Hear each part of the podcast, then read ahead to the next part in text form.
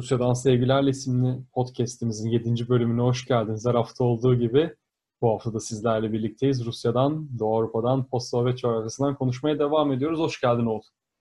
Merhaba Deniz. Bu hafta bayağı sıkışığız. bu hafta çok fazla şey oldu. Öncelikle dün gece imzalanan anlaşmadan bahsedelim. En azından şimdilik Azerbaycan-Ermenistan savaşı sona erdi. Rusya'nın arabuluculuğunda ama sanki kazanan Rusya olmuş gibi. Birkaç tane noktasına değinelim. Birincisi 5 yıl süreyle Rusya'nın barış gücü bölgede olacak yaklaşık 1960 asker teçhizatlarıyla birlikte 5 yıl daha uzatılma ihtimali olacak süre sona erdikten sonra. Onun dışında Ermenistan'ın korkunç bir mağlubiyeti diyebiliriz ki zaten Paşinyan'da hem kendim için hem de halkım için kötü, acı verici bir anlaşmaya imza attım dedi. Aliyev tırnak içinde halka yaptığı konuşmada birazcık şov yaptı. Eğer izlediysen görmüşsündür zaten. Onun dışında bir gün önce yine dün Rusya'nın helikopteri düşürüldü Azerbaycan tarafından ve Aliyev özür diledi. Bunun başka bir problem yaratma ihtimali var. Çünkü bugün gördüğüm bir fotoğrafta Rusya Dışişleri Bakanlığı'nın binasının önüne, merkezin önüne MI-24 ve Su-24 sabrediyoruz yazıldı Rusça ki Su-24'ü 2015 Kasım'ından hatırlayacağız. Türkiye'nin düşürdüğü Rus uçağıydı. Dün ise Mi-24 Azerbaycan'ın düşürdüğü helikopterdi. Derken bir anlaşma var, düşürülen helikopter var, bir takım oyunlar var. Neler söylüyorsun? Ee, öncelikle tabii o helikopter olayı bayağı korkutucuydu aslında. Hatta ben önce acaba dedim Allah korusun Türkiye, Türkiye ile ilgili bir şey olur mu diye bayağı korktum. Ama hani Allah'tan mı diyeyim artık Azerbaycan'ın işiymiş ve hemen zaten özür dilediler. Ki şov dedin. Aklıma en büyük şovmen olarak bu arada Aliyev geldi. Ne oldu Paşinyan konuşmasını gördün değil mi?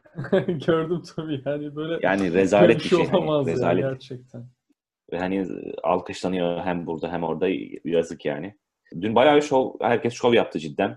Ama bence herhalde sen de öyle düşünüyorsundur. Ee, en büyük şovmen kesinlikle Moskova, Putin Putin'in çevresi. Hatta yani o anlaşma... Lavrov diyebiliriz belki en büyük şovmeni. Kendisini çok göstermeyen tabii, ama... Yani bir anda her şey, bütün oklar Rusya'nın lehine döndü. Bizde Türkiye'de tabii çok büyük bir zafer şeyi var, havası var ki haklı. Karabağ'da cidden Azerbaycan büyük bir e, kazanım elde etti.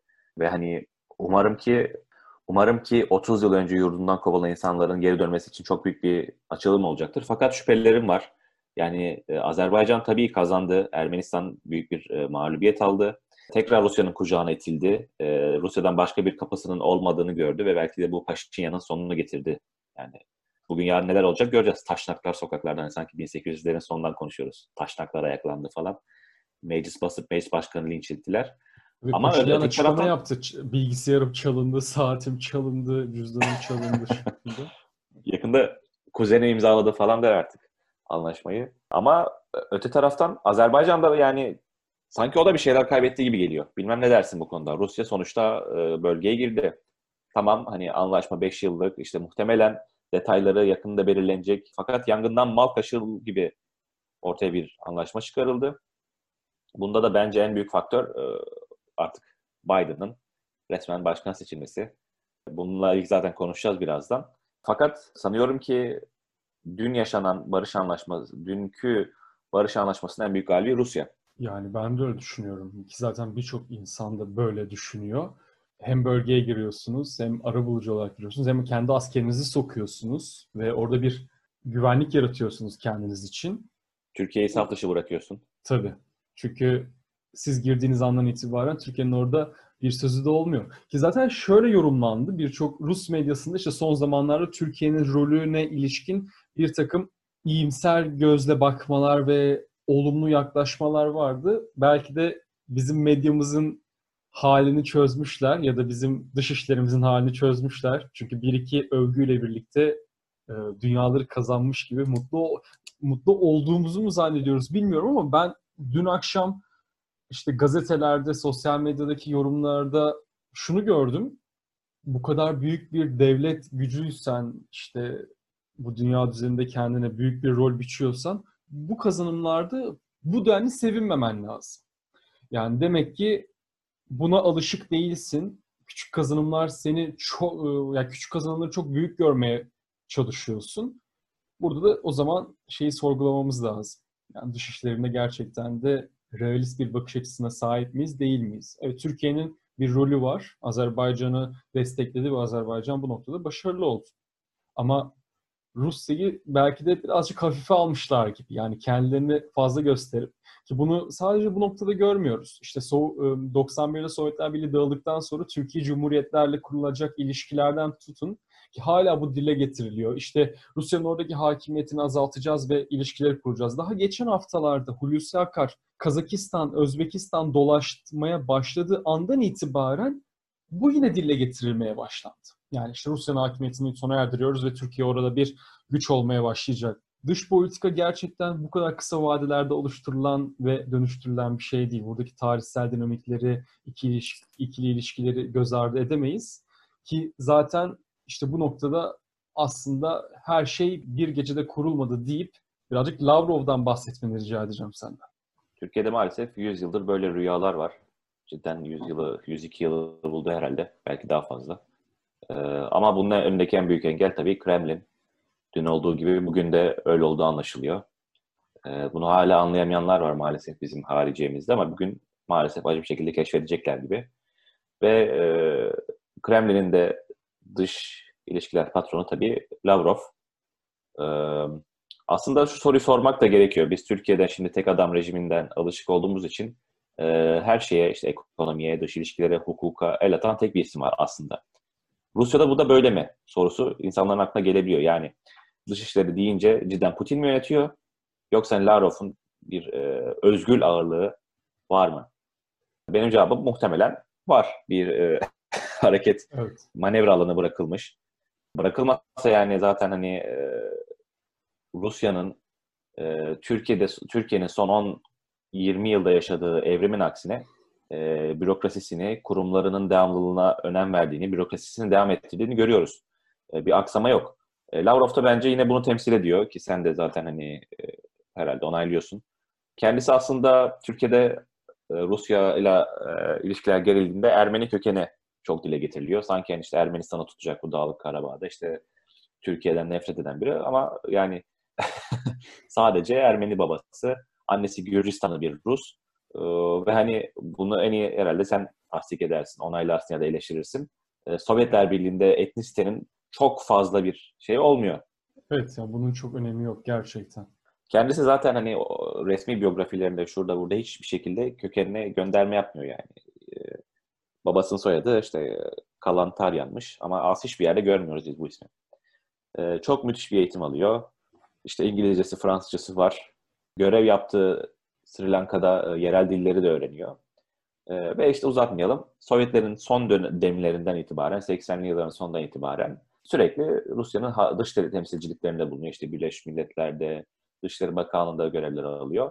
Ve e, 2000'li yıllardan itibaren e, dış ilişkilerin, dış işlerinin patronu haline geliniyor. 2004'te Dışişleri Bakanı olmuş. Yani 16 yıldır bu görevi aralıksız devam ettiriyor.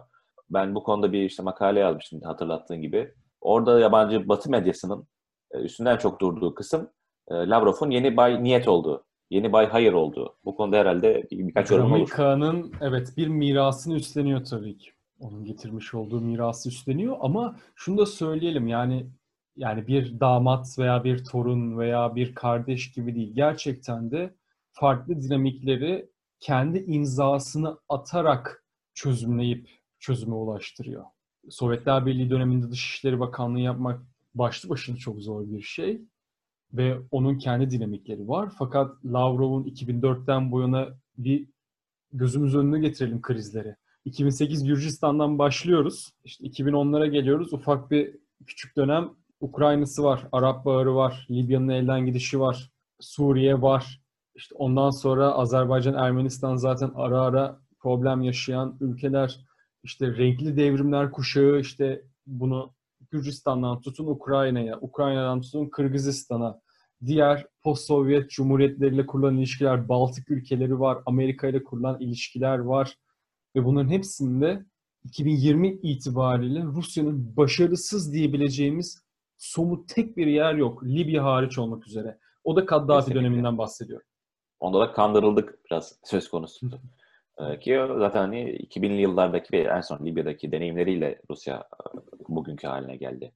E, Rusya bugün için e, bir işte ekonomik güç değil dünyada. Ekonomik güç değilsen zaten hiçbir şeysin aslında genel olarak bakılınca. Fakat bunun bu bu tezi, bu hipotezi çürütürcesine çok önemli bir diplomatik güç. İfade ettiğim gibi hem e, Rusya'nın cidden hani kaybettiği savaş yok Lavrov'un e, hariciyenin e, hem de e, defalarca son bir yıldır bütün analistlerin Türkiye'de dile getirdiği gibi e, bizim bölgemizdeki bütün aktörlerle konuşabilen tek güç. Yani aynı anda Suudi Arabistan'ı, İran'ı, e, işte Katar'ı bir masaya toplayabilir. İşte İsrail ile Filistin'i bir araya getirebilir. İşte Türkiye ile Yunanistan'ı konuşturmaya zaten hevesli şu an. E, Ermenistan, Azerbaycan sorununu çözdü. E, Taliban'la ilişkileri olduğu dile getiriliyor, iddia ediliyor. E, yani müthiş bir diplomatik güç haline geldi son 5 yıl içerisinde. E, bunda da artık Putin'e ne kadar e, ulvi güçler atfedilirse atfedilsin ki bu da kesinlikle ve kesinlikle Batı medyasının bir abartısı olduğunu düşünüyorum. Yani bir heyola bir canavar yaratmak ama tabii Putin'in işine gelen, Rusya'nın işine gelen bir şey. Burada Lavrov'un e, ve onun döneminde temelli atılan e, dış iş dış işleri dış işleri idaresinin e, payı var. Bununla birlikte Rusya'nın Paşinyan üzerinden vermiş olduğu bir mesaj da var. Yani Tabii, Amerika tabii, ile yakınlaştığınız noktada sizden vazgeçebiliriz. Ve Belarus bunu çok almalı. kötü olabilir şeklinde birazcık tehditkar ama gerçek bir tehdidi de gördük aslında. Yani Azer büyük ihtimalle ki dillendiriliyor. Aliyev ile Putin çok daha önce bugünü tasarlamışlardı. Bütün rayonlar ele geçirilmeyecek fakat belli önemli sayılabilecek tarihsel önemi de bulunan rayonlar, köyler alınacak. Ermenistan yenilgiye uğratılacak. Rusya orada olacak. Paşinyan'dan kurtulacağız. Ama sonunda Aliyev kusura bakma anlaşmayı da imzalayacağız dedi ve Aliyev bunu kabul etti büyük ihtimal. Yani bir gecede Belki de bu, bu anlaşmanın bir gecede yazılmış olması pek mümkün değil çünkü. belki de o ne oldu Paşinyan coşkusu bu planın güzelce uygulanmasından kaynaklanıyordu. Ama o doğaçlama da olmuş olabilir. Büyükler Rusya'yla Tabii her şey paylaşmamıştır beklenir. bunu. Her şey beklenir. O halde ilk konumuz böyleydi. İkinci konuda tabii ki Amerikan seçimleri. Geçtiğimiz haftalarda konuşmuştuk. Trump'la devam edilirse ne olur? Biden'ın Obama dönemindeki başkan yardımcılığındaki Rusya-Amerikan ilişkilerini. Şimdi yani mahkeme süreci olacak fakat büyük ihtimalle Trump artık kaybetti. Biden başkan olacak. Ülke- bütün dünya ülkeleri de zaten Biden'a tebrik mesajları, telefonları yağdırmaya başlamış durumda. Biz de Biden'ın başkanlığını kabul edip şimdi Amerika-Rusya ilişkilerine bir göz atalım. En azından hangi konularda aciliyeti olan meseleler var ve taraflar bu noktada nasıl tutumlar izliyorlar bunu değerlendirebiliriz diye düşünüyorum. Tabii ki bunlardan ilki Suriye. Çünkü Trump döneminde Suriye'de görece Amerika'nın sağdan çekilmesi ama tabii ki terk etmemesi söz konusuydu. Geçtiğimiz gün Esad'la Putin bir görüşme gerçekleştirdiler ve Suriye'deki durumu konuştular. Ama bu şu anlama da geliyor. Şimdi Biden'ın başkanlığı ve Suriye'de dengelerin değiştirilme ihtimali var. En azından bunun dene, denenme ihtimali var. Buna ilişkin hazırlık yapıyorlar diye düşünüyorum. Ekleyeceğim bir şey var mı?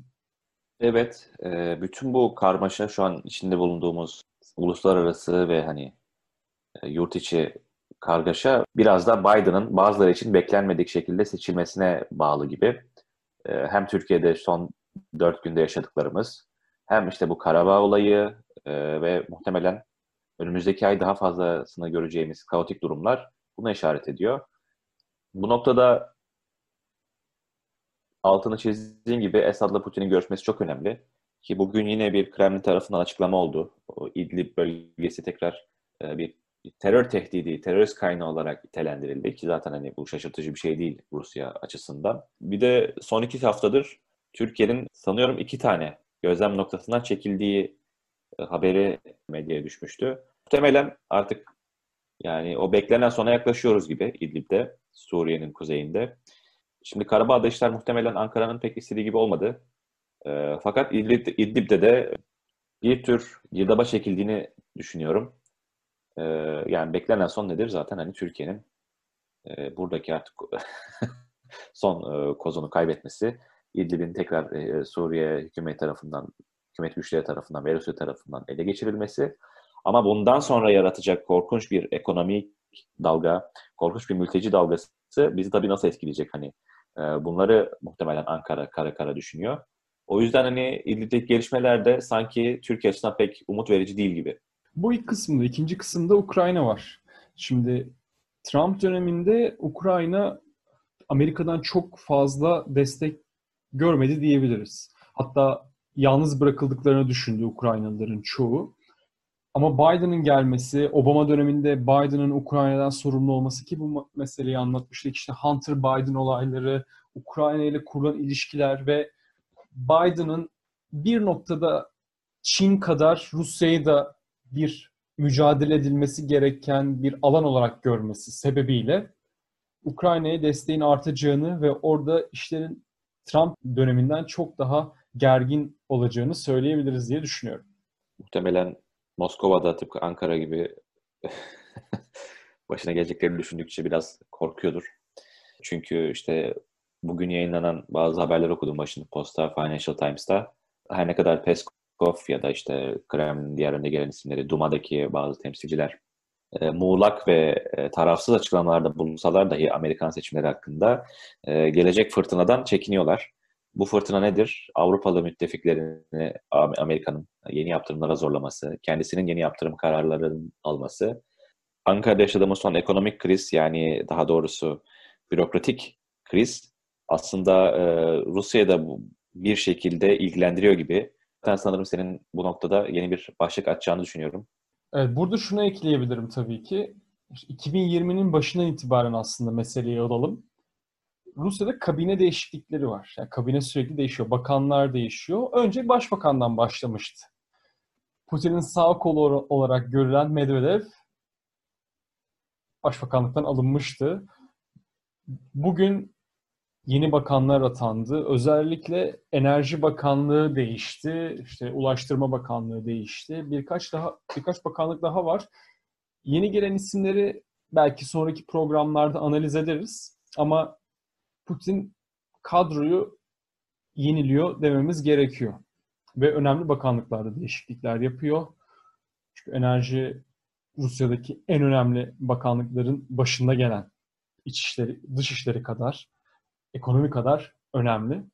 Tabii Putin'in kendi çevresini de dönüştürmesiyle birlikte Putin hakkında söylenen şeyler de bizim için değerli. Konuşulmayı hak ediyor. Daha geçtiğimiz günlerde yenisi patlak verdi. O da şuydu. İşte Putin söz konusu iddiaya göre Parkinson sebebiyle 2021'in Ocak ayında görevi bırakacakmış. Şimdi burada şeyi söyleyeyim tabii ki. Haberin kaynağı kim? Bu İngiliz medyasında ortaya çıktı ve birkaç yıl arayla İngiliz medyasında bu tip haberler çıkar. Ekonomiyle alakalı çıkar, Rus ekonomisiyle alakalı, Putin'le alakalı çıkar. İşte Parkinson ya da başka bir hastalığı var. İşte görevi bırakıyor. 2016'da da söylenmişti. Görevi 2016'da bırakacak diye. Şimdi 2021 oldu. Kaynak Valeri Solovey bir akademisyen ama sanırım akademiden ayrıldı. Rusya'nın en büyük komplo teorileri üreticilerinden bir tanesi İngilizler de bunları yayımlamaktan oldukça keyif duyuyorlar diyebiliriz. Sen denk geldin mi haberlere? Yani herhalde.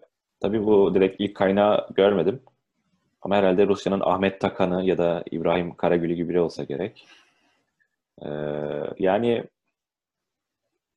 bir şey demek zor. Hani yaşayıp göreceğiz artık. Cidden Parkinson cidden bırakacak mı? Ama hani altını çizdiğin nokta önemli. Bir, bunun İngiltere'den, bu haberin İngiltere'den gelmesi.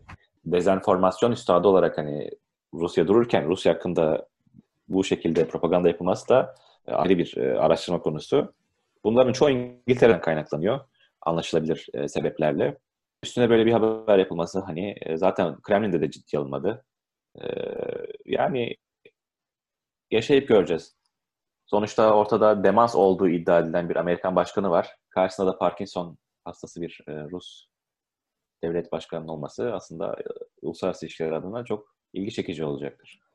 Ya şey de ilginç bu arada ya. Hani hatırlarsın Rusya'daki referandum süreci Haziran'da şu tartışmaya meydana getirmişti. İşte Putin 83 yaşına kadar Rusya'da kalabilecek. İşte Putin'in şeyleri, mimleri çizildi. İşte kırışıklıklar içinde işte bir şeyler yazıldı, dede vesaire diye.